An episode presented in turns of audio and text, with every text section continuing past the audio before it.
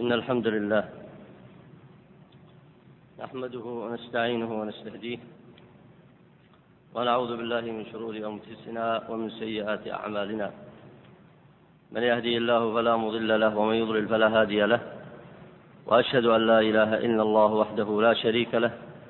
وأشهد أن محمدا عبده ورسوله. اللهم صل وسلم وبارك على عبدك ورسولك محمد وعلى آله وصحبه وسلم تسليما كثيرا. سبحانك اللهم لا علم لنا إلا ما علمتنا إنك أنت العليم الحكيم. أيها الإخوة الفضلاء السلام عليكم ورحمة الله وبركاته. هذا هو الدرس الرابع والعشرون من كتاب الاعتصام في ذم البدع وأهلها. ونبتدئ الآن في استكمال ما ذكره المصنف من أقوال من سماهم بالصوفية الأول في ذم البدع وأهلها. اقرأ بارك الله فيك. بسم الله الرحمن الرحيم. وقال المصنف رحمه الله تعالى وقال محمد بن الفضل البلخي ذهاب الإسلام من أربعة لا يعملون بما يعلمون ويعملون بما لا يعلمون ولا يتعلمون ما لا يعلمون ويمنعون الناس من التعلم. هذا ما قال وهو وصف صوفيتنا اليوم عياذا بالله.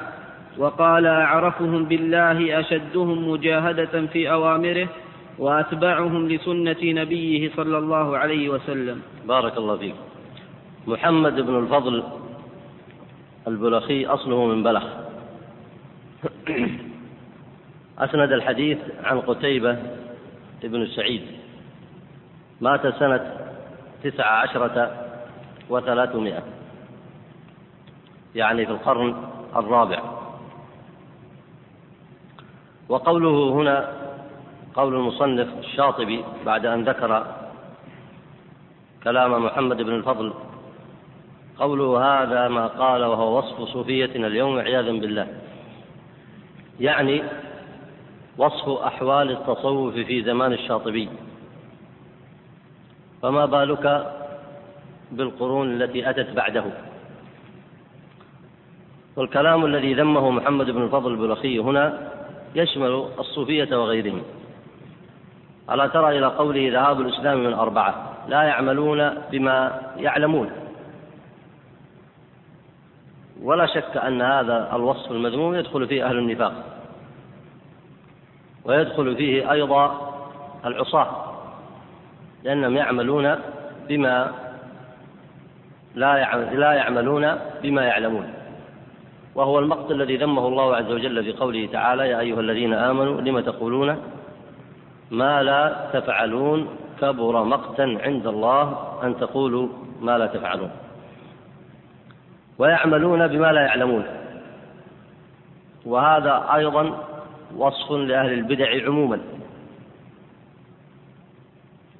فإن العلماء فسروا قول الله تعالى الذي ندعو به في كل صلاة في سورة الفاتحة اهدنا الصراط المستقيم صراط الذين أنعمت عليهم غير المغضوب عليهم ولا الضالين.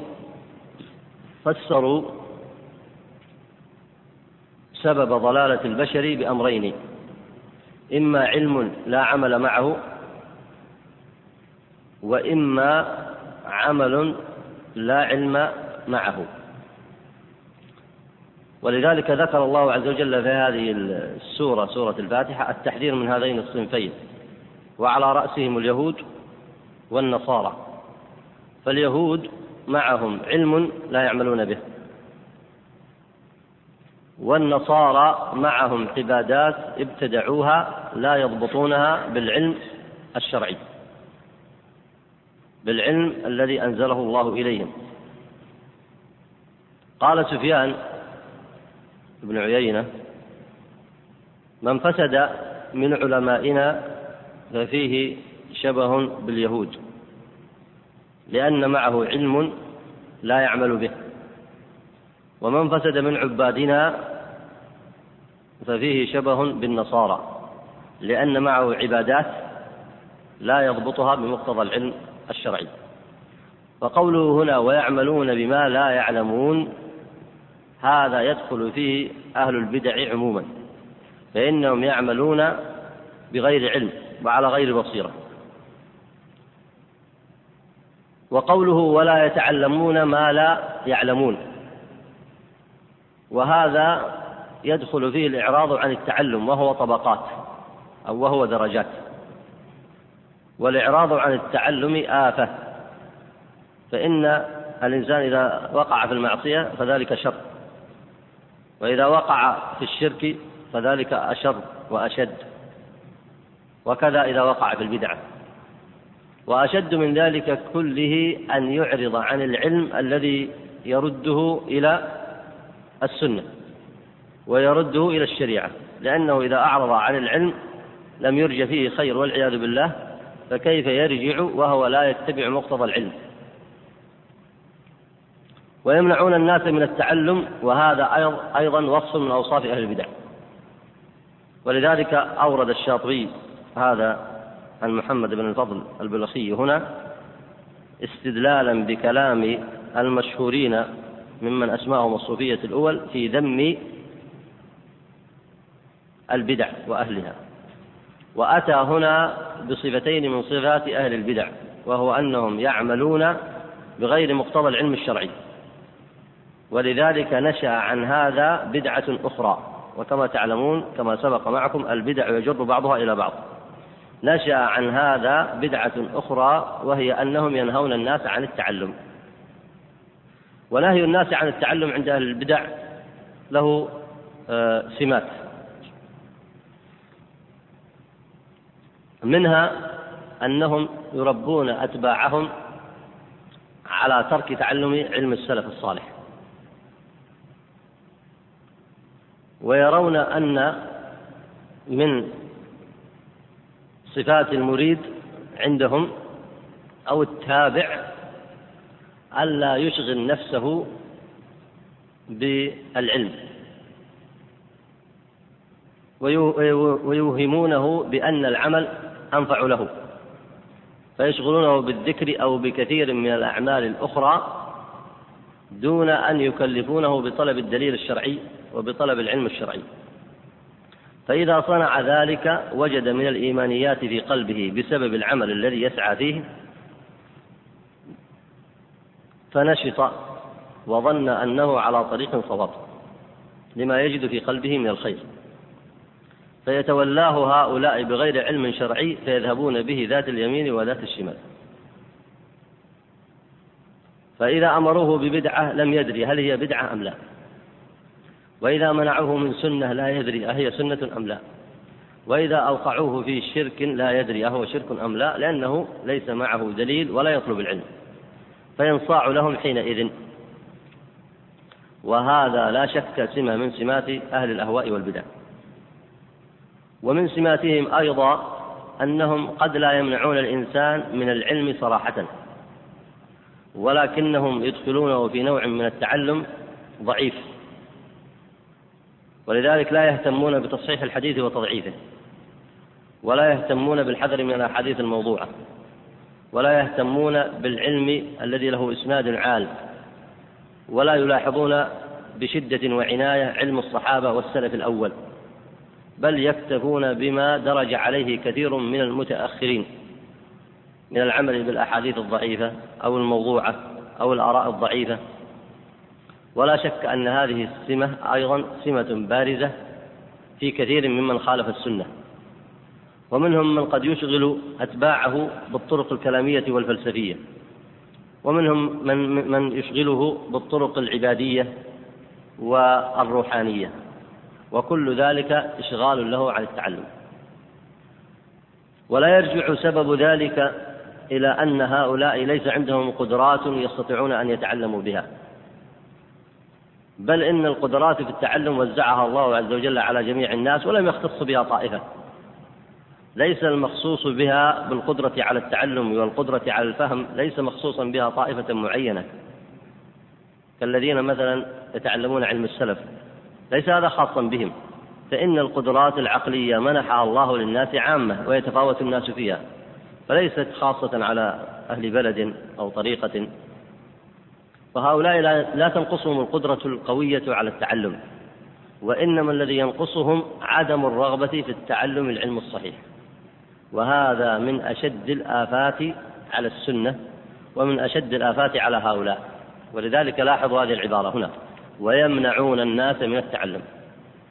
يعني لم يقل ولا يقدرون على التعلم ولم يقل ينشغلون عن التعلم وإنما لاحظ ويمنعون الناس من التعلم. ولك أن تسأل هنا لماذا يمنعونهم من التعلم؟ والسبب ما أشرت لك وهو أنهم حتى لا يقوم أتباعهم فيهم بالحق لأنهم إذا تعلموا قالوا للشيخ أنت تقول كذا وقولك مخالفا للكتاب والسنة. فقد روينا أو سمعنا أو روى البخاري أو مسلم أو قال ابن عباس أو قال فلان وقال فلان من أهل العلم وأنت تخالف ذلك. أو يقولون مثلا إن هذه الطريقة أو هذا التجمع أو هذا العمل مبني على غير أساس في هذه المسألة أو في تلك بدليل أنه يخالف مقتضى النص الشرعي. وهكذا. فحتى لا يسمعوا منهم هذا الكلام يمنعونهم من التعلم ويشغلونهم بأشياء أخرى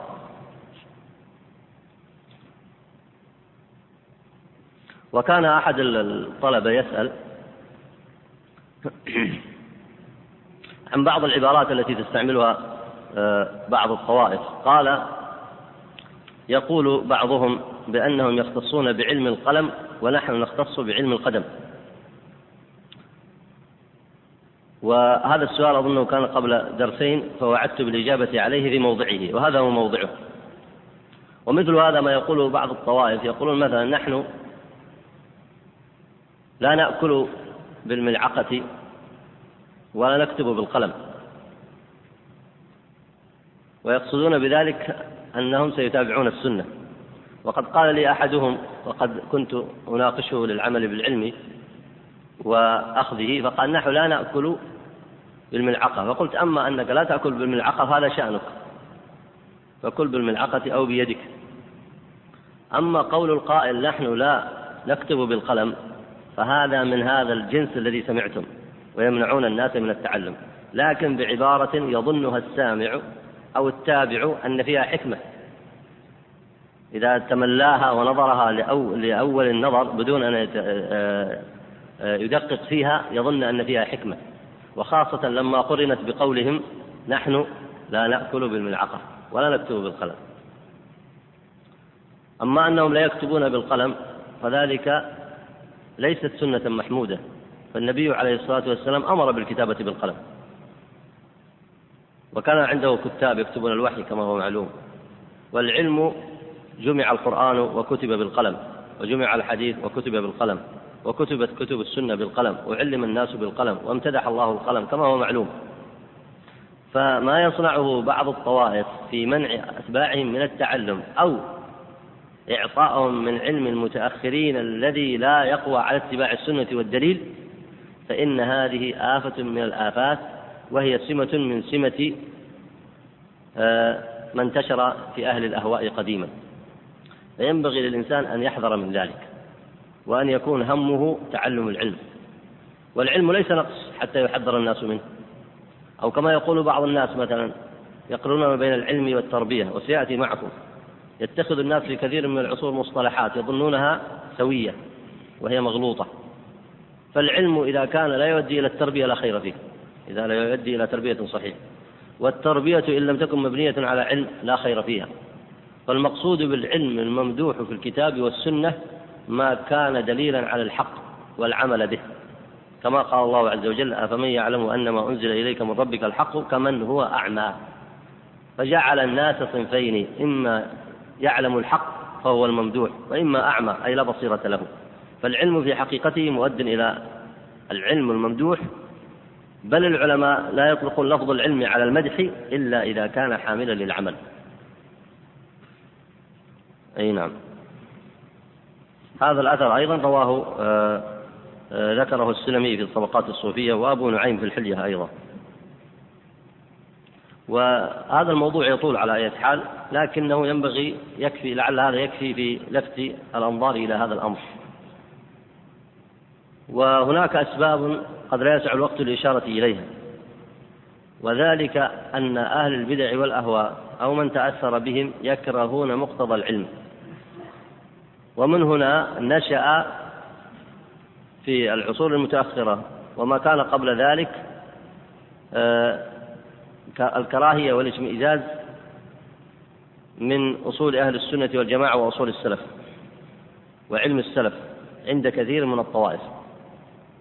وهذا ظاهر كما ذكر لكم في هذا الكتاب في الطوائف المشهورة. مثل الخوارج والمعتزلة والشيعة وغيرهم والمرجئة. لأنه لا يستقيم ما عندهم من البدع والأهواء إذا كان علم السلف هو الظاهر وإذا كان علم السنة منتشر بين الخلق. ما يستقيم ما عندهم ولا يبقى. ومنه أيضا كما هو معلوم من طوائف الأشعرية على اختلاف طبقاتهم فإنهم ذكروا أن حالهم أسلم وأحكم أعلم وأحكم. وفضلوه بطريق خفي على كثير من علم السلف. ذلك ليصرف الناس عن علم السلف كما هو معلوم من كتبهم. وأما في الموضع الذي يذكره المصنف هنا عند أهل التصوف كما قال وهو وصف صوفيتنا اليوم فذلك كثير جدا. وصرف الناس عن العلم الصحيح أو عن سماعه أو عن نشره أو عن ظهوره كل ذلك من ديدن والعياذ بالله من ديدن أهل الأهواء. سواء من تسموا باسم آه، من الأسماء السابقة أو من لم يتسموا باسم منها. وكذلك المخالفين للسنة خارجين على الشرائع المبدلين لها من المتأثرين بالغزو الفكري وغيره فإن آفة آفتهم وإنما يخافون منه هو انتشار العلم. وهذا الذي يفسر محاربتهم للصحوة. لأن العلم انتشر في هذه العصور انتشارا واسعا. والعلم إذا انتشر صار أصلح الله به حال البلاد والعباد. فأهل الأهواء عامة على اختلاف مسمياتهم وأسمائهم يكرهون مقتضى العلم الصحيح. لأنه يدل الناس على الإيمان والحق والهدى ويعينهم على تصحيح واقعهم وعلى معرفة الحق وعلى لزومه ويجدد إيمانهم ويقوي بصائرهم. فيكرهون هذا السبيل لأنه إذا قوي أهل الإسلام واجتمعوا على العلم الصحيح لا شك أن ذلك دلالة خير وأنه يؤدي إلى نصرة الإسلام والمسلمين. اقرأ بارك الله فيك. وقال شاه الكرماني من غض بصره عن المحارم وأمسك نفسه عن الشبهات وعمر باطنه بدوام المراقبة وظاهره باتباع السنة وعود نفسه أكل الحلال لم تخطئ له فراسة. أي نعم. آه هو أبو الفوارس شاه بن شجاع الكرماني. كان من أبناء الملوك. فتزهد مات قبل الثلاثمائة قبل القرن الثالث. قوله هنا من غض بصره عن المحارم وأمسك نفسه عن الشبهات. فالأول كلامه عن الشهوات. أعاذنا الله وإياكم منها. وأمسك نفسه عن الشبهات وهو مقصد المصنف في إيراد هذا الكلام ذم البدع والحذر منها. وعمر باطنه بدوام المراقبة وظاهره باتباع السنة. دوام المراقبة هي دوام الخشية خوف الله عز وجل. وظاهره باتباع السنة. ولاحظوا هنا أن في هذا النص الأول والذي بعده تلاحظون أن من سماه الشاطبي هنا الصوفي الأول يعالجون انحرافا بدأ مبكرا عند العباد والزهاد. ألا وهو الميل عن التعلم ترك التعلم والبعد عنه. الأمر الثاني أنهم يعالجون مشكلة وهي الدخول في الأهواء والدخول في الشبهات. وهذا ظاهر في النص الأول والثاني. والبدع يجر بعضها إلى بعض. هذا النهي وهذه العبارات الجيدة لم تكن كافية في رد أولئك العباد والزهاد الذين غلوا بعد ذلك. مما يدلكم على أن التوجيه في كثير من الأحيان قد لا يكفي. هذا توجيه يعتبر. توجيه وموعظة. لكن كان ينبغي أن يقام عليهم في ذلك الوقت بحيث يقصروا عما هم فيه. حتى لا يحدثوا ما أحدثوا من البدع. لكن هذا التوجيه وغيره لم يكن كافيا ولذلك أو أعرض عنه أولئك العباد والزهاد ولذلك تتابعوا فيما هم فيه من المخالفات. وقوله هنا آه، وعود نفسه أكل الحلال لم تخطئ له فراسة. الفراسة كما ورد في كثير من الآثار المؤمن له فراسة وسببها آه، ما ينجلي في قلبه من الإيمان. وما يقوى في قلبه من آه، البصيرة. وقد ذكروا أن لأبي بكر فراسة كثير من الصحابة والفراسة نور يقذفه الله عز وجل في قلب المؤمن.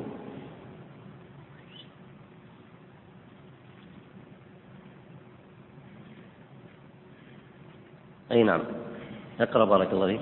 وقال أبو سعيد الخراز كل باطن يخالفه ظاهر فهو باطل.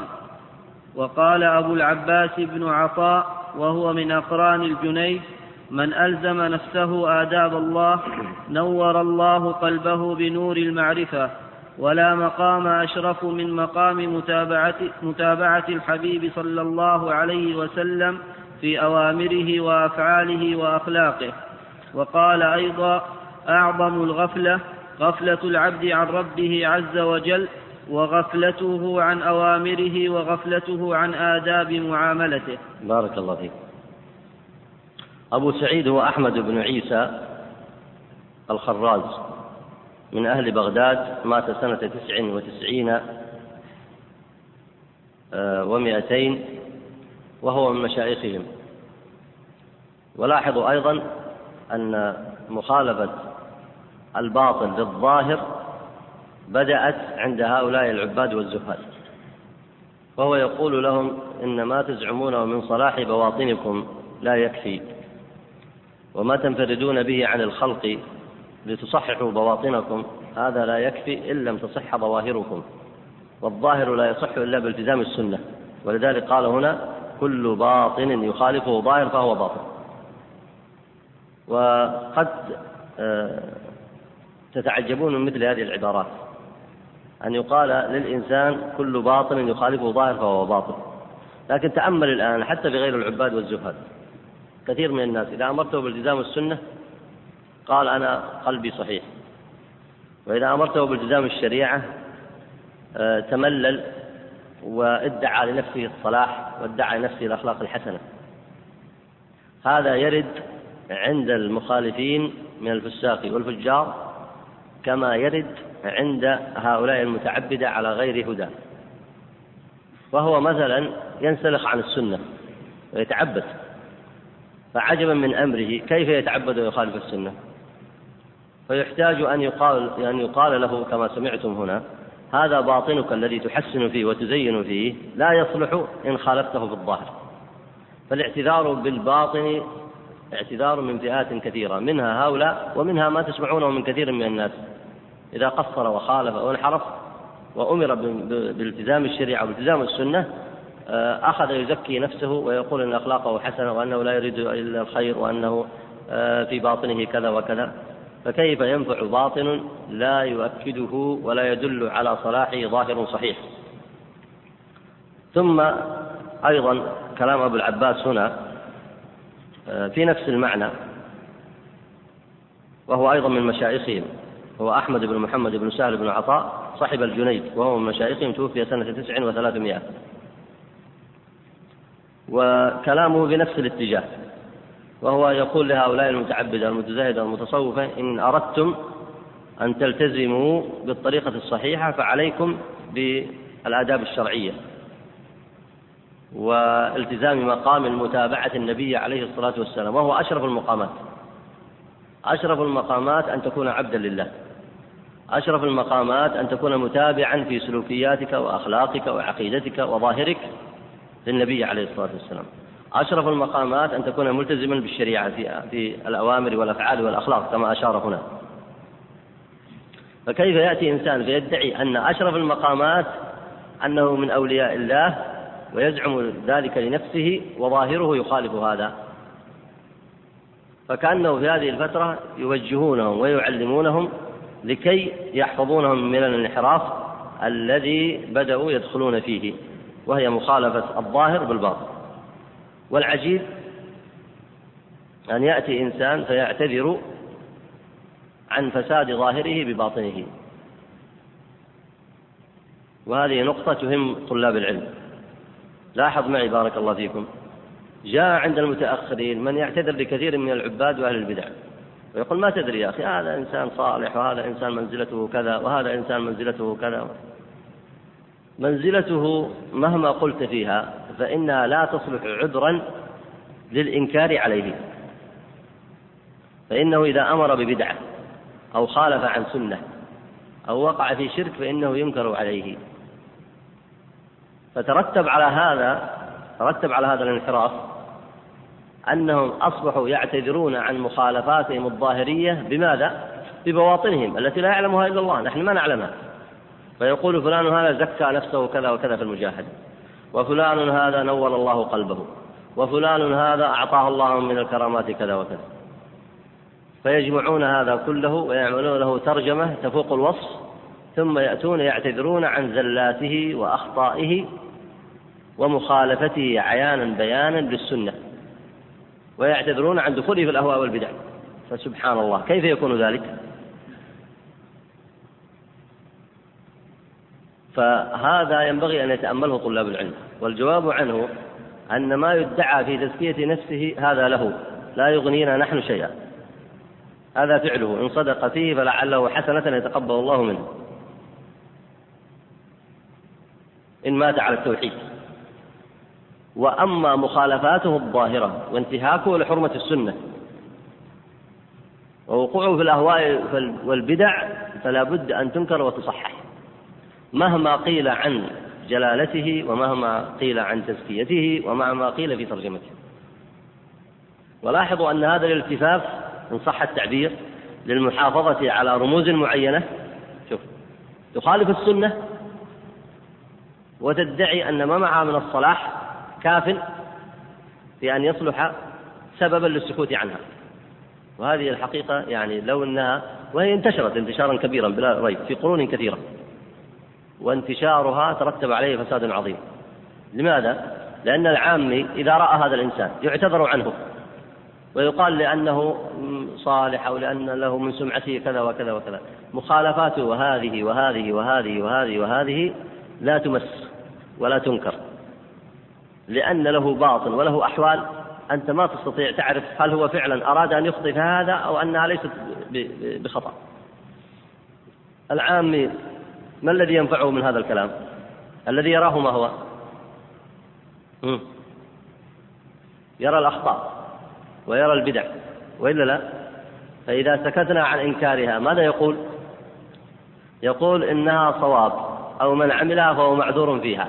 وهذا من الأسباب التي روجت البدع والأهواء في العالم الإسلامي.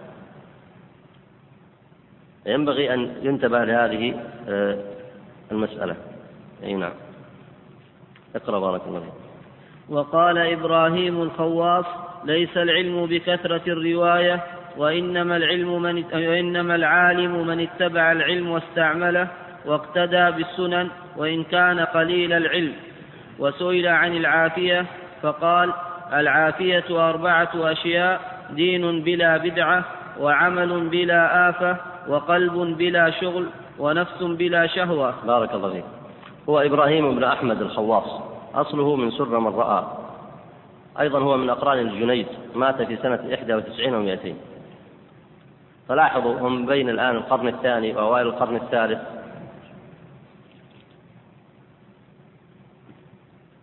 قوله هنا ليس العلم بكثرة الرواية وإنما العالم من اتبع العلم. وهذا حق. فإن الله لم يمدح العلم إلا إذا كان قرينه العمل العمل بالتوحيد واتباع السنة. قال هنا واستعمله. لاحظ عبارة استعمله هنا. لما لم يكتفي بقوله وإنما العالم من اتبع العلم ليش قال واستعمله؟ الذي يظهر لي هنا أنه كأنه يريد أن يشير لكثير من العباد الذين يستعملون طرائق. يستعملون طرائق يزعمون أنها تقوي الإيمان واليقين. فيقول لهم استعملوا العلم. العلم والعمل به هو أساس الإيمان وأساس اليقين. واقتدى بالسنن وإن كان قليل العلم. لأن كثرة العلم مع المخالفة لا خير فيه. أي نعم. وسئل عن العافية. ولا شك أن هذه حكمة. فقال العافية أربعة أشياء. دين بلا بدع. وعمل بلا آفة أي تعمل عمل لا تحبطه بمنة ولا بعجب ولا بشهوة ولا بمعصية. تدخل عليه معصية الرياء أو غير ذلك. وقلب بلا شغل. طبعا ما في قلب بدون شغل لكن يقصد بلا شغل لا ينفعه. وإلا ما سمي القلب قلب إلا لتقلبه فلا بد أن يتقلب القلب في الفكر والتأمل والعبادة وعبادة القلب معلومة. فهنا يشير إلى أنه بلا شغل لا ينفعه ونفس بلا شهوة. وطبعا ليس هناك نفس بلا شهوة وإنما بلا شهوة محرمة أو شهوة مباحة تشغله عن طاعة الله. المقصود بلا شهوة لا تنفعه أو شهوة محرمة. اي نعم اقرأ بارك الله فيك. وقال الصبر الثبات على أحكام الكتاب والسنة. وقال بنان لاحظ هنا بارك الله فيكم آه، قوله الصبر هذه مصطلحات بدأت تحمل عبارات معينة عند التصوف فكأنه يريد أن يردهم إلى المعنى الصحيح. طبعا منهم من يسميها الصبر على الفناء يظل في التعبد حتى تفنى روحه بزعمه في الله. ومنها الصبر عن انقطاع عن الدنيا. في مصطلحات للصبر كثيرة عندهم. فأراد أن يردهم إلى ما كان عليه الناس في تعلم العلم الصحيح والعمل بالسنة. فقال الصبر الثبات على أحكام الكتاب والسنة. أي نعم. وقال بنان الحمال وسئل عن أصل أحوال الصوفية فقال الثقة بالمضمون والقيام بالأوامر ومراعاة السر والتخلي من الكونين. هو أبو الحسن بنان بن محمد بن حمدان الواسطي. آه، وقد امتحن في ذات الله وصبر توفي سنة ستة عشرة وثلاثمائة. قوله الثقة بالمضمون آه، أي بما ضمنه الله لك من الأجل والرزق.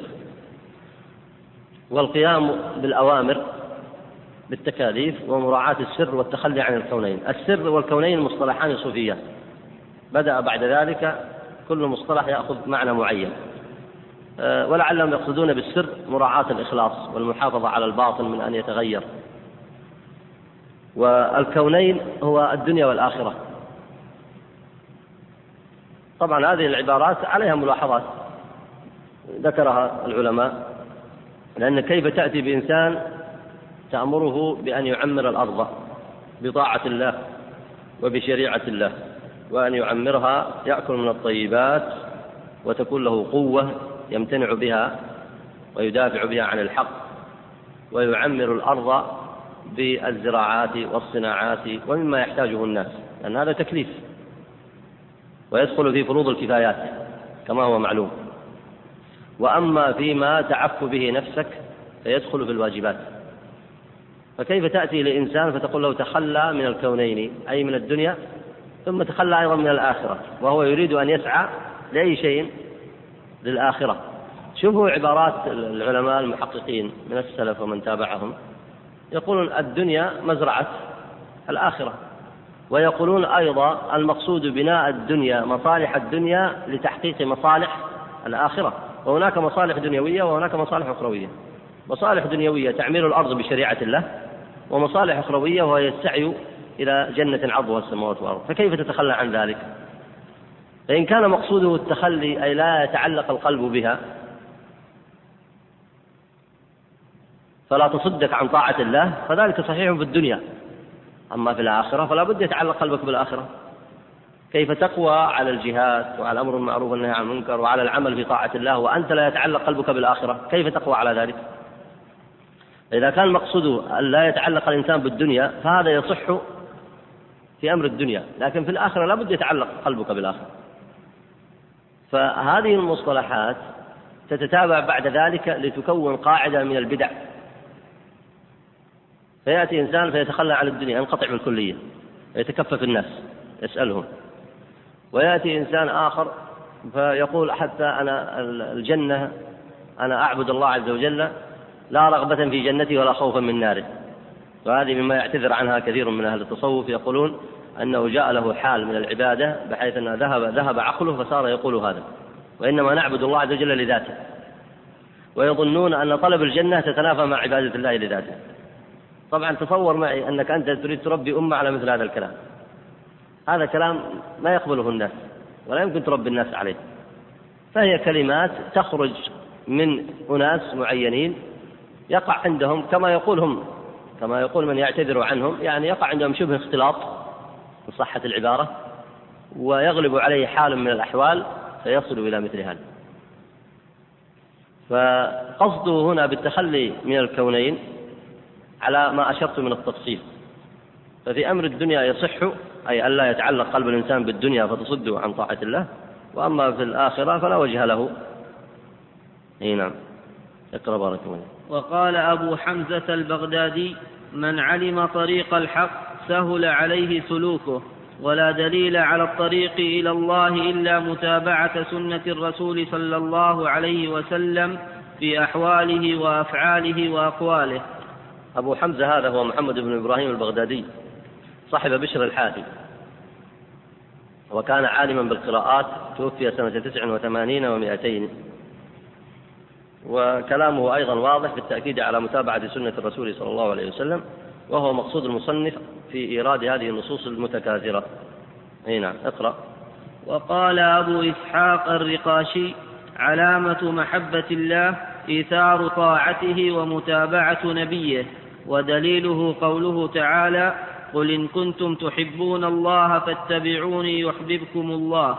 وهذا الأصل لو أخذ به الزهاد والعباد لأراحوا واستراحوا أليس لهم في صحابة النبي عليه الصلاة والسلام قدوة؟ قد كان صحابة النبي عليه الصلاة والسلام عبادا وزهادا وفيهم أهل المال وفيهم أهل الفقر وفيهم أهل الغنى فيهم المجاهدون وفيهم آه، العلماء وفيهم وتجتمع في الواحد أمور كثيرة ولا تضرب هذه الصفات بعضها ببعض. حتى من غلبت عليه صفة من الصفات لا تجد هذه الصفات متناقضة في مجتمع الصحابة رضوان الله عليهم. بل هذه صفات يكمل بعضها بعضا. وقد يغلب على الإنسان صفة من الصفات. كان يكون مجاهدا مثلا. ويغلب على الإنسان صفة أن يكون كثير الرواية في الحديث مثلا. ويغلب على الإنسان صفة أن يكون كثير البذل والإنفاق. ويغلب على الإنسان صفة أن يكون كثير الصوم والتعبد. لكن هذه الصفات لم تكن لتجعل الصحابة ينقسمون إلى طرق. وإنما صفات يكمل بعضها بعضا. فهذا أصل محكم أشار إليه هنا قال إيثار طاعة الله ومتابعة نبيه قل إن كنتم تحبون الله فاتبعوني يحببكم الله. اقرأ بارك الله فيك. وقال ممشاد ممشاد الدينوري آداب المريد في التزام حرمات المشايخ وخدمة الإخوان والخروج عن الأسباب وحفظ آداب الشرع على نفسه. آه، هو أيضا من كبار مشايخ الصوفية. آه، قوله هنا طبعا لاحظ المصطلحات هذه بدأت المريد.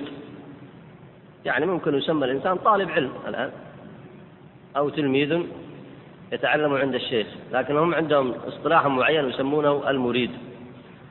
آه، قوله هنا الخروج عن الأسباب. الخروج عن الأسباب ليس مشروعا بالكلية ولا نطيل في هذا البحث لأن الأسباب الذي خلقها هو الله سبحانه وتعالى. والذي شرع العمل بها هو الله سبحانه وتعالى. وأقام هذا الكون بطبيعته على أسباب.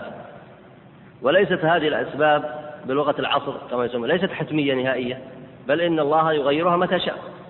فمثلا من أسباب إنجاب الولد الزواج.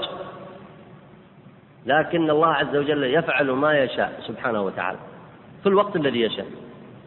فمن الأسباب الزواج وأن لا تكون المرأة عاقر وأن يكون الزوج ينجب. هذه من الأسباب التي شرعها الله عز وجل جعل الله عز وجل الزواج شريعة وكذلك في أسباب الرزق وتعمير الدنيا وكذلك في الجهاد واتخاذ أسبابه. هذه الأسباب ليست حتمية. يعني الله عز وجل بفضله ومنه وكرمه وقدرته يجعل السبب الذي لا يعمل يعمل. كما هو في قصة أبينا إبراهيم لما بشره الله عز وجل بغلام حليم. وكما هو في ولادة عيسى من غير أب. فالله عز وجل يصنع ما يشاء. هذا يفيدك أمران. يفيدك أنه إذا تعطل السبب لا تيأس. تتعلق بمن؟ بالله. وإذا وجد السبب في يدك تعمل به.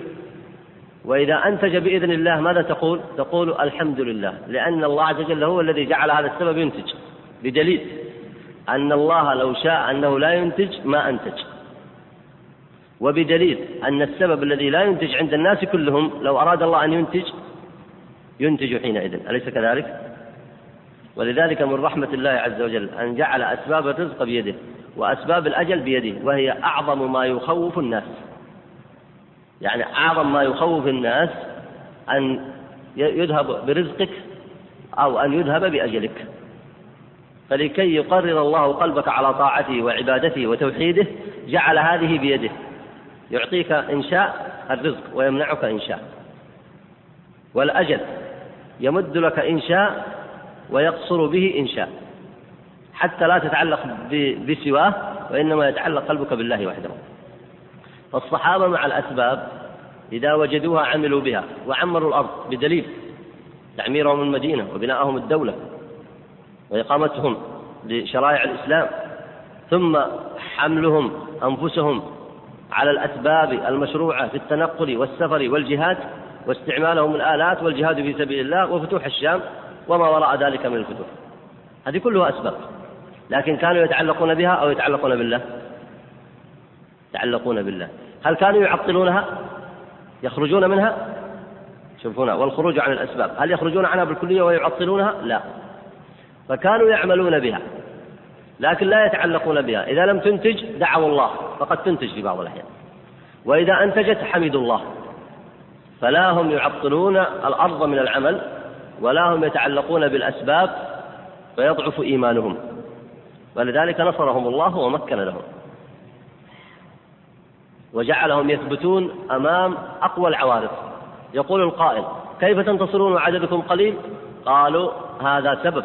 وعملنا الذي نقدر عليه لكن وإن كانت قوة الأعداء ضعفين من قوتنا إلا أن هذه الأسباب إنما نتعلق بخالقها.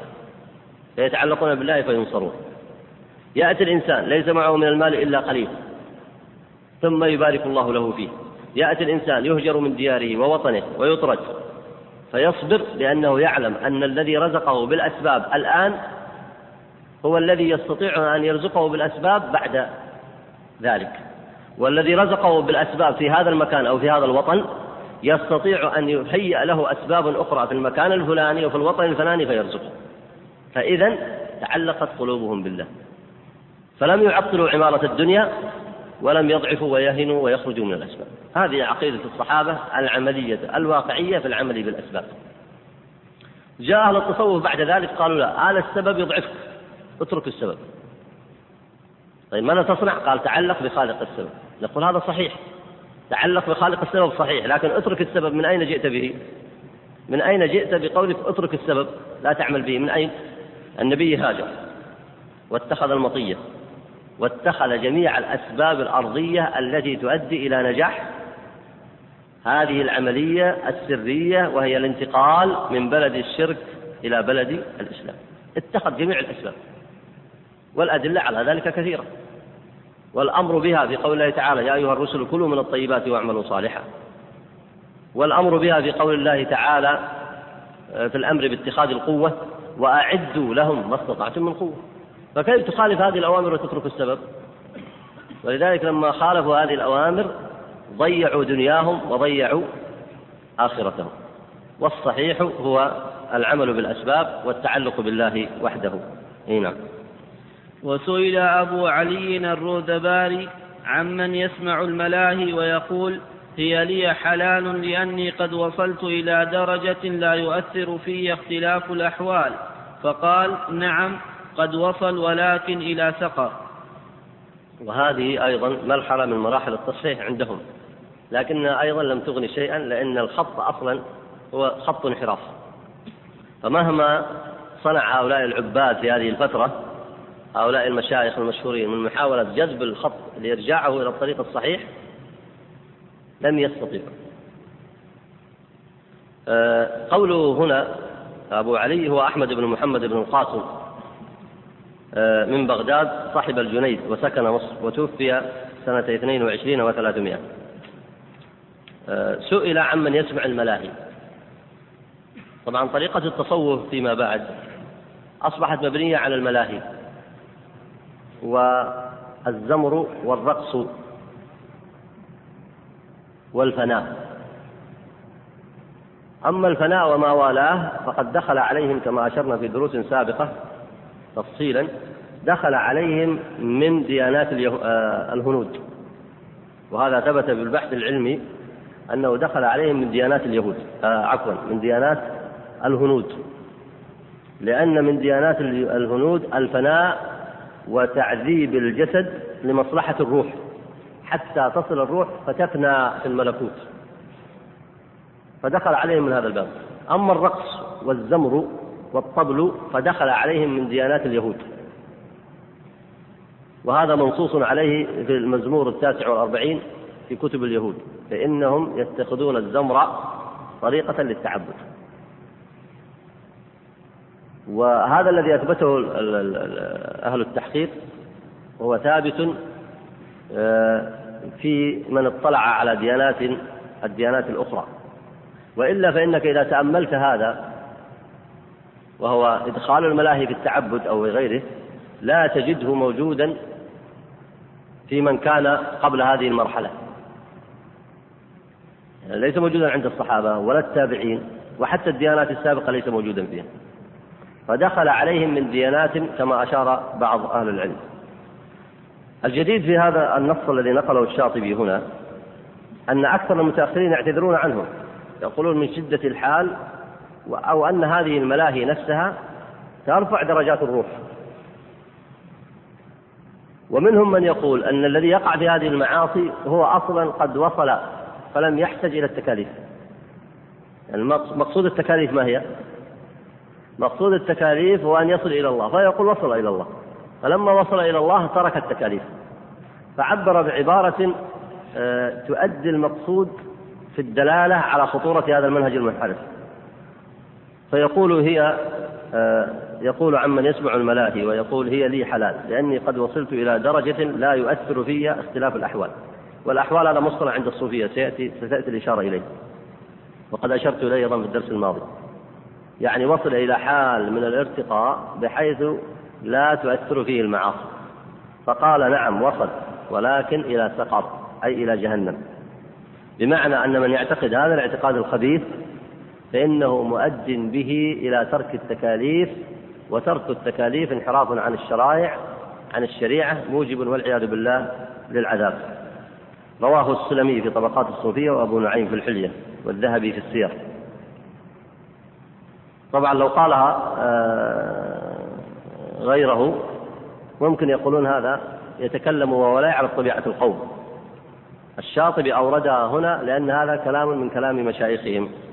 إي نعم اقرأ بارك الله وقال أبو محمد عبد الله بن منازل لم يضيع أحد فريضة من الفرائض إلا ابتلاه الله بتضييع السنن ولم يبتلى بتضييع السنن أحد إلا يوشك أن يبتلى بالبدع. أي نعم اقرأ. وقال أبو يعقوب النهر جوري أفضل الأحوال ما قارن العلم.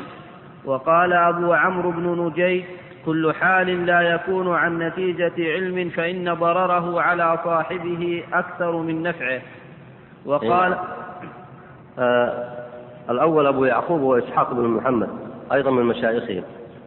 وقوله أيضا هنا أبو عمرو هو إسماعيل بن منجيد السلمي قد تقدمت ترجمته. لاحظوا هنا أن هنا مقارنة بين ما يسمى الأحوال والعلم. ولذلك قال هو أفضل الأحوال ما قارن العلم لأنهم يزعمون أنهم يصلون إلى درجة من الحال من الإيمان بحيث أنهم إما لا يحتاجون إلى العلم أو أنهم آه، سقطت عنهم التكاليف وأخفهم من يقول أن هذا العلم يشغله يشغله عن الارتفاع في الإيمان. ولذلك قال الذي بعده وهو عمرو بن الجيل قال كل حال لا يكون عن نتيجة علم فإن ضرره على صاحبه أكثر من نفعه. لاحظوا هنا في دراسة الطوائف وهي مهمة قضية مهمة أن بعض الطوائف يضعون مصطلحات مصطلحات. ثم يؤكدون المصطلح ثم يثبتونه ثم يفسرونه تفسيرا خاصا ثم يربون عليه الأتباع. هذا المصطلح تجده يعارض نص النصوص الشرعية أو يعارض نصوصا شرعية كثيرة ويكفي شرا أن يعارض نصا واحدا. لما لا ترب لما لا يربى الأتباع على نصوص الكتاب والسنة على المصطلحات الشرعية التي وردت في الكتاب والسنة. لما لا يربون على العلم الأصيل الذي علمه السلف وورثوه لمن بعدهم ومصطلح الحال هذا ذكره ابن القيم. وذكر أن هذا المصطلح حاول الصوفية وأولئك العباد الزهاد أن يجعلوه في مقابلة العلم الشرعي حتى يشغل الناس عن العلم الشرعي. فذكر في كتاب مدارج السالكين صفحة 134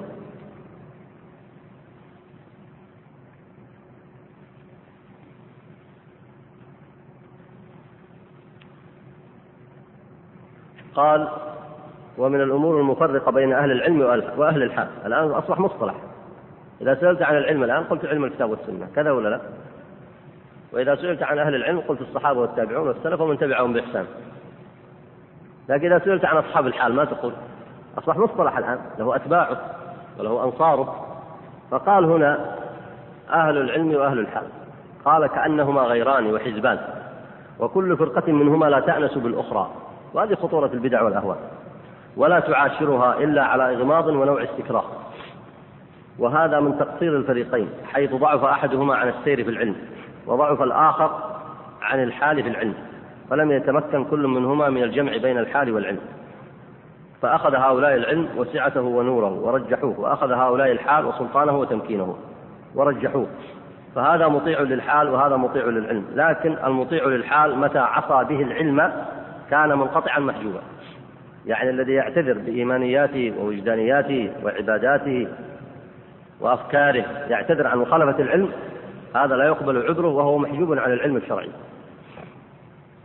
آه ثم قال وإن كان له حال ما عساه أن يكون وإن كان له من الحال ما عساه أن يكون. والمطيع للعلم متى أعرض به عن الحال كان مضيعا منقوصا. هو الآن بدأ يستعمل مصطلحات ابن القيم. يقول هنا المطيع للعلم يعني الم... الذي يتعلم العلم وينشغل بالعلم ويحفظ العلم متى لم تورثه حال صحيحة؟ متى لم يورثه العلم حالا صحيحة من الإيمان والتزام السنة واليقين والطمأنينة؟ فلا خير في علمه هذا صحيح. الإنسان إذا لم يورثه علمه الإيمان والطمأنينة كما أنه إذا لم تورثه صلاته وعبادته الإيمان والطمأنينة فلا خير في عبادته. فقال هنا وإن كان والمطيع للعلم متى أعرض به عن الحال كان مضيعا منقوصا مشتغلا بالوسيلة على الغاية. لأن وسيلة العلم ما هي؟ وسيلة العلم العمل والإيمان والطمأنينة. فإذا ضيع هذا كان مضيعا للعلم. والذي يزعم أنه إذا وصل وهو الذي يستعمل الحال حال الإيمان واليقين يزعم بأنه لا يحتاج إلى الشريعة ولا يحتاج للعلم فهو مضيع لنفسه. ثم قال هنا والصحيح أن العلم يعين, يعين على السلوك ويحمل عليه ويكون صاحبه سالكا به وفيه فلا يشغله العلم عن سلوكه. فلا ريب أن العلم لا يجامع الفناء. الفناء ما هو؟ الحال الذي يجده العباد والزهاد يفنون حتى عن الطاعة والعياذ بالله. هذا لا يقارن العلم ثم ذكر هنا أن العلم الصحيح هو الذي يؤدي إلى الحال الصحيح والحال الصحيح هو الإيمان والطمأنينة والاستقامة والخلق الحسن. وليس بالضرورة أن يكون هذا الحال كما يسمونه هم آه، تزهدا غير شرعي أو عبادة غير شرعية أو أن إنسان يصل إلى درجة من الإيمان بحيث لا يعقد. هذه حال مذمومة. نعم. وقال بن دار بن الحسين صحبة أهل البدع تورث الإعراض عن الحق. وقال أبو بكر الطمستاني الطريق واضح والكتاب والسنة قائم بين أظهرنا وفضل الصحابة معلوم لسبقهم إلى الهجرة ولصحبتهم فمن صحب منا الكتاب والسنة وتغرب عن نفسه والخلق وهاجر بقلبه إلى الله فهو الصادق المصيب. وقال أبو القاسم النصر أبادي أصل التصوف ملازمة الكتاب والسنة وترك البدع والأهواء وتعظيم حرمات المشايخ ورؤية أعذار الخلق والمداومة على الأوراد وترك ارتكاب الرخص والتأويلات. أي نعم بارك الله فيك. آه، هنا انتهى المصنف من عرض أقوال مشايخ الصوفية الأول كما سماهم. آه، بندر بن الحسين هو محمد بن المهلب الشيرازي شيخ الصوفية وكان عالما بالأصول. توفي سنة 53 و300 وواضح كلامه في تخويف أتباعه من البدع. آه، وأبو بكر هنا هو أبو بكر الفارسي. ورد آه، نيسابور ومات بها سنة أربعين وثلاثمائة. ولاحظوا هنا عباراته واضحة لكن قوله وتقرب عن نفسه والخلق. وهاجر بقلبه إلى الله. آه، هذا أيضا مصطلح عندهم. وأحسن ما فيه أن الإنسان إذا خالط الخلق إنما يخالطهم لمصلحة شرعية أو لمصلحة دنيوية شرعية وهو إذ يخالطهم يخالطهم لا على العجب والمراءة ولا على الظلم والبغي ولا يخالط الناس ليعجب بنفسه ولا يخالط الناس ليتقدم عليهم ويرى أنه خير منهم ولا يخالط الناس آه، ليحقق شهواته أو ليقع في الشبهات لا. ولاحظوا عبارته هنا وتغرب أي كان غريبا عنهم. لكن هذه الغربة لا لا تعني الانقطاع. لاحظ معي. المشكلة أنهم هم من جاء بعدهم يظنون أن هذه الغربة لا تتحقق إلا إذا انقطعت عن الخلق. إذا انقطعت عن الخلق تقربت ببدنك. وقد لا تتقرب بقلبك. قد تنشغل بقلبك. آه، لكن إذا خالطتهم والتزمت السنة واستقمت على الطريق فإنك تخالطهم بجسدك وتتغرب عنهم فيما لا ينفعك. وهذا هو المقصود. وأشار إليه بعض الحكماء ابن القيم وغيره أشار إلى هذا. قال كن مع الخلق مثل الطائر يلتقط الحب. الطائر إذا جاء يلتقط الحب ويخاف على نفسه ماذا يصنع؟ يلتقط يمشي فأنت علاقتك مع الخلق وحتى مع أقرب الناس إليك إنما هي علاقة شرعية على تحقيق مصالحك الدنيوية التي أذن الله بها وتحقيق مصالحك الأخروية. واحذر أن تقع في الشبهات أو الشهوات أو أن تظلم أو أن تظلم. ولذلك النبي عليه الصلاة والسلام أدبنا بأدب السنة. إذا خرجت من بيتك سواء للصلاة أو غيرها سنة للرجل أن يقول سنة للخارج أن يقول اللهم إني أعوذ بك أن أضل أو أضل أو أزل أو أزل أو أظلم أو أظلم أو أجهل أو يجهل علي. فأنت إذا عشت بين الناس لا أضللت لا ضليت ولا تسببت في ضلالة ولا زليت ولا زل بك ولا ظلمت ولا ظلمت ولا جهلت ولا جهل عليك فحقيقة أنت تغربت عن المفاسد أي صرت غريبا عنها بعيدا عنها وهذا هو المقصود. وأنت بجسدك مع الناس كما كان النبي عليه الصلاة والسلام وأصحابه. لكن القوم ضعف عليهم أن يجمعوا بين هذين الأمرين. ضعف عليهم أن يجمعوا بين هذين الأمرين ففروا بأنفسهم وقال قائلهم البعد عن العلم والبعد عن الخلق ونشوء تلك المصطلحات التي سبق الإشارة إليها. هنا أما أبو القاسم آه، هنا هو إبراهيم بن محمد. كان يرجع إليه بكثير من العلوم. مات بمكة سنة سبع وستين وثلاثمائة. وعلى هذا النص آه، ملاحظتان كما سبق مع الملاحظات السابقة. قوله هنا رؤية الأعذار. والملاحظة الثانية على قوله ترك ارتكاب الرخص والتأويلات. أما ترك التأويلات فصحيح لأن الإنسان إذا أول هذه وأول هذه من مسائل الدين ضعف دينه ورق دينه. أما الرخص فلا فإن بعض الرخص مشروع الأخذ بها. فهذا الكلام لا يصح على إطلاقه. أما رخص العلماء التي لا تستند على دليل والآراء الشاذة فصحيح من من وقع فيها فقد تزندق. أما الرخص التي شرعها الله ورسوله صلى الله عليه وسلم فإنه يؤخذ بها. كما ورد في الحديث الصحيح الذي رواه ابن عباس إن الله يحب أن تؤتى رخصه كما يحب أن تؤتى عزائمه. عزائمه أخرجه الطبراني والهيثمي ورجاله رجال انتقاد. أما قوله رؤية الأعذار رؤية أعذار الخلق.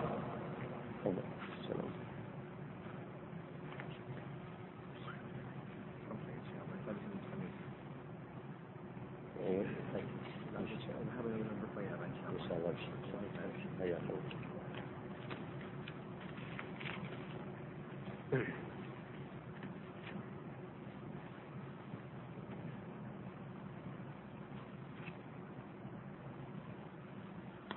بالنسبة للنظر لأعذار الخلق هذا ينبغي أن يتبع فيها الدليل الشرعي الصحيح.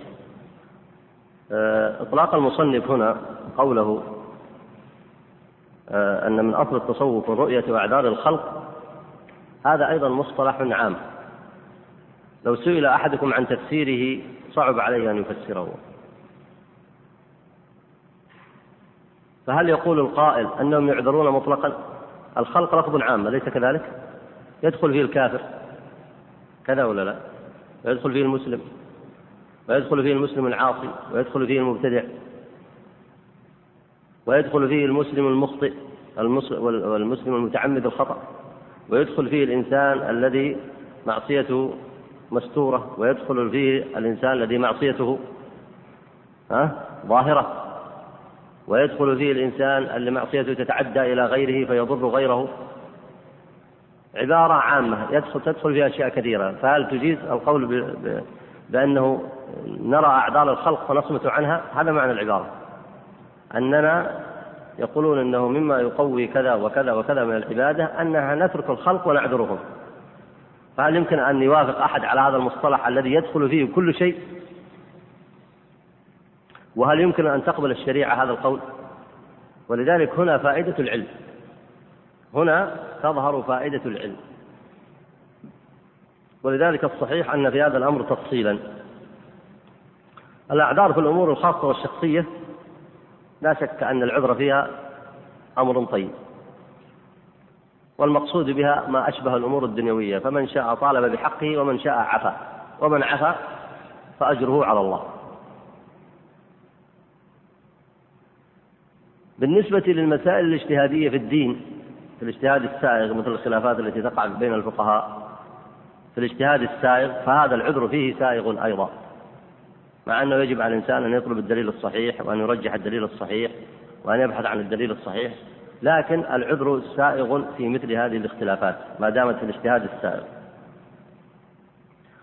أما في المخالفات الشرعية مثلا المعصية الظاهرة المعصية التي يتعدى ضررها على الخلق الشرك البدع. فهذا لا يمكن نعذر الخلق فيه ما يمكن. لو عذرناهم لعطلنا فريضة الأمر بالمعروف والنهي عن المنكر وتطبيق الحدود والعمل بالأحكام الشرعية. وهذا الذي وقع فيه أهل التصوف بعد ذلك لأنه مصطلح مفتوح مفتوح. أصل التصوف كذا وكذا ومنها إعدال الخلق. طيب إعدال الخلق من الخلق؟ يدخل الكافر والمسلم والمسلم على جميع التقسيمات التي ذكرتها لكم. فلا يمكن أن يكون هذا المصطلح لا تبقى مع هذا المصطلح شريعة ولا يبقى مع هذا المصطلح عمل بالعلم الصحيح. أما قصد أبو القاسم هنا فلا أدري ما هو لأنه لعله آه، ذكره في أول بداية نشأة التصوف فقد يكون هذا المصطلح ضيقا. لكن الحقيقة المصطلح فيما بعد توسع توسعا كبيرا. وترتبت عليه مخالفات للعلم صريحة. فينبغي أن يتأمل الإنسان مثل هذه المصطلحات. أي نعم. اقرأ الآن المصنف سيحاول يستفيد من هذه النصوص. طبعا هذه النصوص فيها بعض العبارات التي تحتاج إلى وقفات كما سمعتم. وفي جملتها فيها تحذير من البدع والأهواء.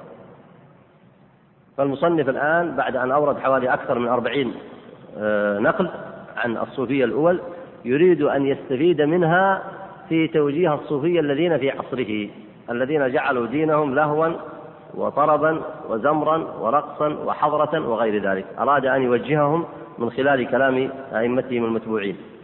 اقرأ بارك الله وكلامهم في هذا الباب يطول. وقد نقلنا عن جملة ممن اشتهر منهم ينيف على الأربعين شيخا وجميعهم يشير أو يصرح بأن الابتداع ضلال والسلوك عليه تيه واستعماله رمي في عماية وأنه مناف لطلب النجاة وصاحبه غير محفوظ وموكول إلى نفسه ومطرود عن نيل الحكمة وأن الصوفية الذين نسبت إليهم الطريقة مجمعون على تعظيم الشريعة مقيمون على متابعة السنة غير مخلين بشيء من آدابها أبعد الناس عن البدع وأهلها. هو الأقرب في دقة العبارة أن يقول وأن الصوفية أو إن مشايخ التصوف الذين ذكرتهم. هذا أقرب لدقة العبارة. ويكون كلامه أيضا بالجملة أي في جملة أقوالهم المذكورة وإلا في أن بعض في بعض أقوالهم زلل. لكن في الجملة في تحذيرهم من البدع كلامهم هنا يصلح لكي يستدل به المصنف على مراده. لكن لا يطلق آه، القول. أي نعم. ولذلك لا نجد منهم من ينسب إلى فرقة من الفرق الضالة ولا من يميل إلى خلاف السنة. هذه أيضا تحتاج إلى ملاحظة. صحيح أن الذين ذكر من هؤلاء ما ينتسبون إلى فرق من الفرق المشهورة. لكن بعضهم يميل إلى خلاف السنة. على الأقل في بعض ظاهره الذي وإن قالوا أنه غلب عليه لكن على حال هذا الظاهر خلاف السنة. أما من حيث أقوالهم وتحذيرهم من البدع فكما قال المصنف كلامهم في ذلك حسن كما سمعتم.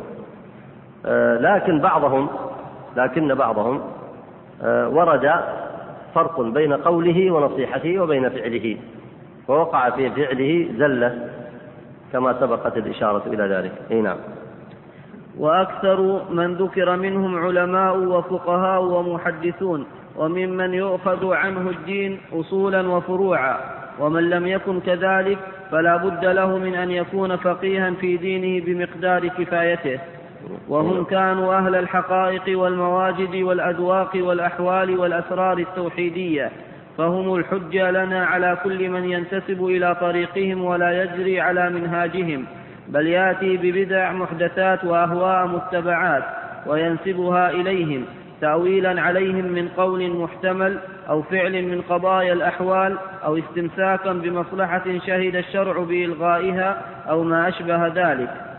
فك فكثيرا ما ترى المتأخرين ممن يتشبه بهم يرتكب من الأعمال ما أجمع الناس على فساده شرعا ويحتج بحكايات هي قضايا أحوال إن صحت لم يكن فيها حجة لوجوه عدة ويترك من كلامهم وأحوالهم ما هو أوضح في الحق الصريح والاتباع الصحيح شان من اتبع من الأدلة الشرعية ما تشابه منها. أي نعم بارك الله فيك. أه لاحظوا هنا أن المصنف الآن يريد يستفيد من هذه النصوص التي نقلها. فيريد أن يقول للمتأخرين من أهل التصوف أين أنتم عن نهي هؤلاء عن البدع؟ وقد وقعتم فيها وأكثرتم. فهلا عملتم بما كان هؤلاء يعملون من قبل؟ طبعا المتصوف بعض المتصوف الأخير آه، استنوا لهم طرائق كثيرة كما هو معلوم في كتبهم. فهل ترون أن مثل كلام الشاطبي هذا سيؤثر عليهم كثيرا؟ قد ينتفع به منهم قليل. ولذلك أورده هو كالحجة عليهم. قال هؤلاء الذين تنتسبون إليهم ينهون عن البدع وينهون عن مخالفة السنة ويأمرون باتباع الشريعة فلما لا تصنعون كذلك؟ فمنهم من سيستجيب ومنهم من لا يستجيب لأنه إذا قوي والعياذ بالله أو تمرد الإنسان وخالف نصوص الكتاب والسنة فأولى به أن يخالف فلان وفلان. أي نعم. لكنه على أي حال آه انتقاؤه لهذه النصوص يظهر لي أنه أجهد نفسه في ذلك وإلا من أين يحصلها؟ هذه النصوص التي تنهى عن البدع وتنهى عن الأهواء من قوم مخصوصين من العباد والزهاد لا شك أنه تعب حتى حصلها وجمعها وهي كما سمعتم جمعها من أكثر من أربعين شيخ من شيوخهم. إي نعم. ولما كان أهل التصوف في طريقهم بالنسبة إلى إجماعهم على أمر كسائر أهل البدع في علومهم أتيت من كلامهم بما كسائر أهل العلوم كسائر أهل العلوم في علومهم أتيت من كلامهم بما يقوم منه دليل على مدعي السنة وذم البدعة في طريقتهم حتى يكون دليلا لنا من جهتهم على أهل البدع عموما وعلى المدعين في طريقهم خصوصا وبالله التوفيق نعم. اقرأ آه، تعليق أفصح المصنف رحمه الله عن مقصوده وهو أنه اتخذ من أقوال أئمة الصوفية الأولين حجة على المتأخرين الذين اتخذوا دينهم لهوا ولعبا ورقصا وطربا. هذا تعليق الشيخ سليم بن عيد الهلالي على آه، كلام المصنف.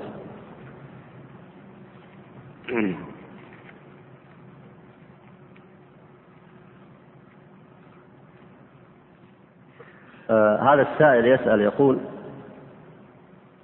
آه، قمت بصيام يوم الاثنين بنية أنه يوم يستحب صيامه وأيضا بنية أنه آخر أيام السنة وفيه تطوى صحيفة العام فأحببت أن أن يختم لي بالصيام آه، فهل علي إثم في ذلك؟ طبعا السائل يقول أنه جمع بين نيتين فكأنه جعل صيام هذا اليوم خاتمة للسنة. هذا لا شيء في ذلك أن صيام يوم الاثنين سنة وكونه يأتي خاتمة العام لا شيء في ذلك ونسأل الله أن يتقبل آه، منا ومنك. يقول هنا كثيرا ما أحس بإحساس الرياء في معاملاتي مع الآخرين. بل ربما في عباداتي فأغلق فأغلق من هذا الإحساس وأدعو الله أن يعيذني من الرياء. فبماذا توجهونني؟ جزاكم الله خيرا للتخلص من هذا الإحساس الذي أخشى أن يكون سببا في إحباط عملي علما بأنني لا أتدبر القرآن في الصلاة كثيرا حينما أكون مأموما بعكس حينما أكون إماما وجزاك الله خيرا. أما إحساسك بالرياء في معاملاتك مع الآخرين أو في عبادتك وخوفك من هذا أما الخوف فأمر طيب لأن الإنسان إذا خاف على نفسه سلم وإذا زكى نفسه ندم. فكون الإنسان يخاف من الرياء هذه علامة صحة. أما أنه يستمر معك هذا إلى أن تراه في في عباداتك ومعاملاتك فإن كان على سبيل محاسبة النفس فأمر طيب. وإن انقلب حتى يصبح وسوسة آه، وشكا بحيث تنقطع عن العبادة فهذا ليس بصحيح. فكيف تتوسط في هذا؟ التوسط في هذا أن تعلم أن من خلق الصالحين أنه يعمل العمل ويبتغي به وجه الله. فإذا دخلت عليه فيه آه، شبهة الرياء فإنه يحاسب نفسه ويعود يدرب قلبه وعمله على الإخلاص لله سبحانه وتعالى. ولذلك ذكر العلماء أن الإنسان إذا دخل في الصلاة عليه أن تكون نيته لله. فإذا سهى عن هذه النية فإنه فإنها لا تبطل الصلاة. وإن دخل عليه شيء فيها أيضا فإنه لا يبطل الصلاة. بل عليه أن يحاسب نفسه. اللهم إلا أن تنقطع النية الأولى بالكلية. فالإنسان إذا خاف على نفسه الرياء في بعض الأحوال هذا علامة صحة. ولا يصل به الحد إلى أنه يصيبه القلق وتصيبه الحيرة.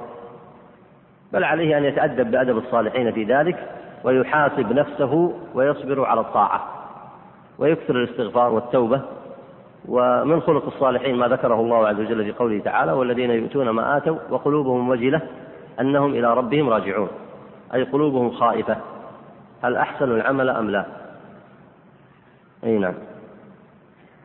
يقول توجد فرص وظيفية للعمل خارج البلاد آه، لتعلم الدين واللغة العربية آه، لتعليم الدين واللغة العربية فما توجيهكم لمن تعرض عليه مثل هذه الفرص؟ هذه هذا أمر مشهور معلوم في من يخرجون مثلا إلى كثير من البلاد حتى البلاد الأوروبية مثلا للدعوة أو لتعلم بعض العلوم المادية أو لبعض المصالح. فهذا التقييد فيه أن يكون له ضوابط. من أعظمها أن يكون هذا الإنسان قويا في دينه. لا يخشى على نفسه الوقوع في الفتنة بحيث أن يكون محافظا على دينه. له صحبة صالحة أو يكون قويا في دينه بحيث لا يهلك. الأمر الثاني أن يكون خروجه لمصلحة شرعية معتبرة. إما أن يسد فرضا من فروض الكفايات أو أنه يسعى حتى لو في مصلحة خاصة له لكن أن تكون مصلحة شرعية معتبرة. فإن كان ذلك فلا حرج عليه إن شاء الله. لكنه أيضا مع تحقيق هذه الضوابط ينبغي أن يحذر على نفسه. يقول هنا كنت أكلم أحد الحلاقين وأبين له آه، حكم الحلاقة فقال لي إن رسول الله صلى الله عليه وسلم قال بارك الله في التجارة والنجارة. وقال إن المقصود بالنجارة هي الحلاقة. فهل هذا أصل فهل لهذا أصل من الحديث؟ أما أن المقصود بالنجارة الحلاقة فهذا واضح فيه الغلو في في في المقايسة. فأين النجارة من الحلاقة؟ وأما الحلاقة فليس فيها والله أعلم فيما أعلم بل الحلاقة الموجودة الآن وهي حلاقة حلق اللحية أو القصات التي تشبه أخلاق الكفار فهذه من الأمور المحرمة. يقول هنا لا إنكار في مختلف عليه ما هي صحة هذه العبارة؟ المختلف عليه أنواع. فإن كان الاختلاف بين أهل التوحيد والشرك فالشرك منكر ويجب إنكاره وتحذير الناس منه. وإن كان الاختلاف بين أهل السنة والبدع فالبدع يجب إنكارها وتحذير الناس منها. فلا يقول هنا لا إنكار في مواضع الخلاف. وإن كان أيضا الخلاف بين أهل الطاعة والمعصية بحيث تكون المعصية ظاهرة يتعدى ضررها على الخلق فيجب أن تنكر حتى تزال. تنكر بالوسائل الشرعية المعروفة حتى تزال.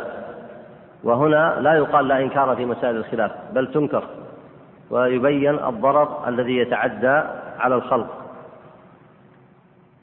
وأما إذا كان الاختلاف في مسائل الاجتهاد السائغ كمسائل الخلاف في مسائل الحج أو في بعض آه، المسائل المتعلقة بأبواب الفقه في الاجتهادات السائغة التي جرت كما هو معلوم بين الفقهاء الأربعة وغيرهم من أئمة السلف فإن هذا الخلاف ليس فيه إنكار أي الإنكار العام والتشديد فيه والشناعة وإنما فيه طلب الدليل والراجح والمرجوح.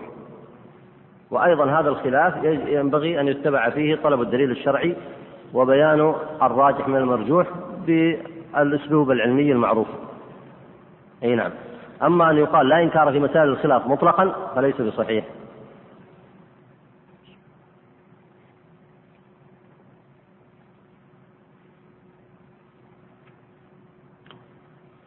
آه، يقول هذا يسأل عن القيام للجنازة. هل القيام للجنازة سنة أم لا؟ آه، روى مسلم حديث النبي عليه الصلاة والسلام إن الموت فزع فإذا رأيتم الجنازة فقوموا. ولهما أيضا عن أبي سعيد آه، أنه صلى الله عليه وسلم قال إذا رأيتم الجنازة فقوموا. وعند أحمد والطيالسي بلفظ آه، إنما فعل ذلك رسول الله صلى الله عليه وسلم تشبها بأهل الكتاب فلما نهي عن ذلك انتهى. وعند النسائي آه، وابن أبي شيبة أيضا بسنده بسند صحيح عن عن أبي معمر قال كنا عند علي فمرت به جنازة فقاموا لها فقال على ما هذا؟ ثم قال إنما قام رسول الله صلى الله عليه وسلم لجنازة يهودية ولم يعد بعد ذلك. فلاحظوا أن هذه النصوص منها ما ورد فيه لفظ الأمر بقول النبي صلى الله عليه وسلم فقوموا إذا رأيتم الجنازة فقوموا. ومنها ما ورد فيه كما آه، عند النسائي أن النبي قام للجنازة ولم يعد لذلك. ولم يعد أي لم يعد للقيام بعد ذلك. فالحاصل أن العلماء اختلفوا في ذلك فمنهم من قال أن الأمر باق كما هو فالسنة القيام إذا مرت الجنازة يقوم الناس لها وإنما القيام هنا تعظيما لشأن الموت. تعظيما لشأن الموت. ومنهم من قال لا يجوز القيام لأنه منسوخ. ومنهم من جمع بين هذين القولين فذهب إلى أن النسخ هنا لا حاجة له ويؤخذ من أمر النبي عليه الصلاة والسلام الجواز وفعله ويؤخذ من أنه ترك ذلك بعد هذا تركه يؤخذ من ذلك أن هذا ليس على سبيل الوجوب وهو ما اختاره النووي شيخ الإسلام وغيره قال النووي المختار في القيام للجنازة أنه مستحب واختاره شيخ, الإسلام وقال أحمد إن قام لم أعبه وإن قعد فلا بأس. ولعل هذا الجمع هو الأقرب. صلوا. طيب. سبحانك اللهم وبحمدك لا إله إلا أنت.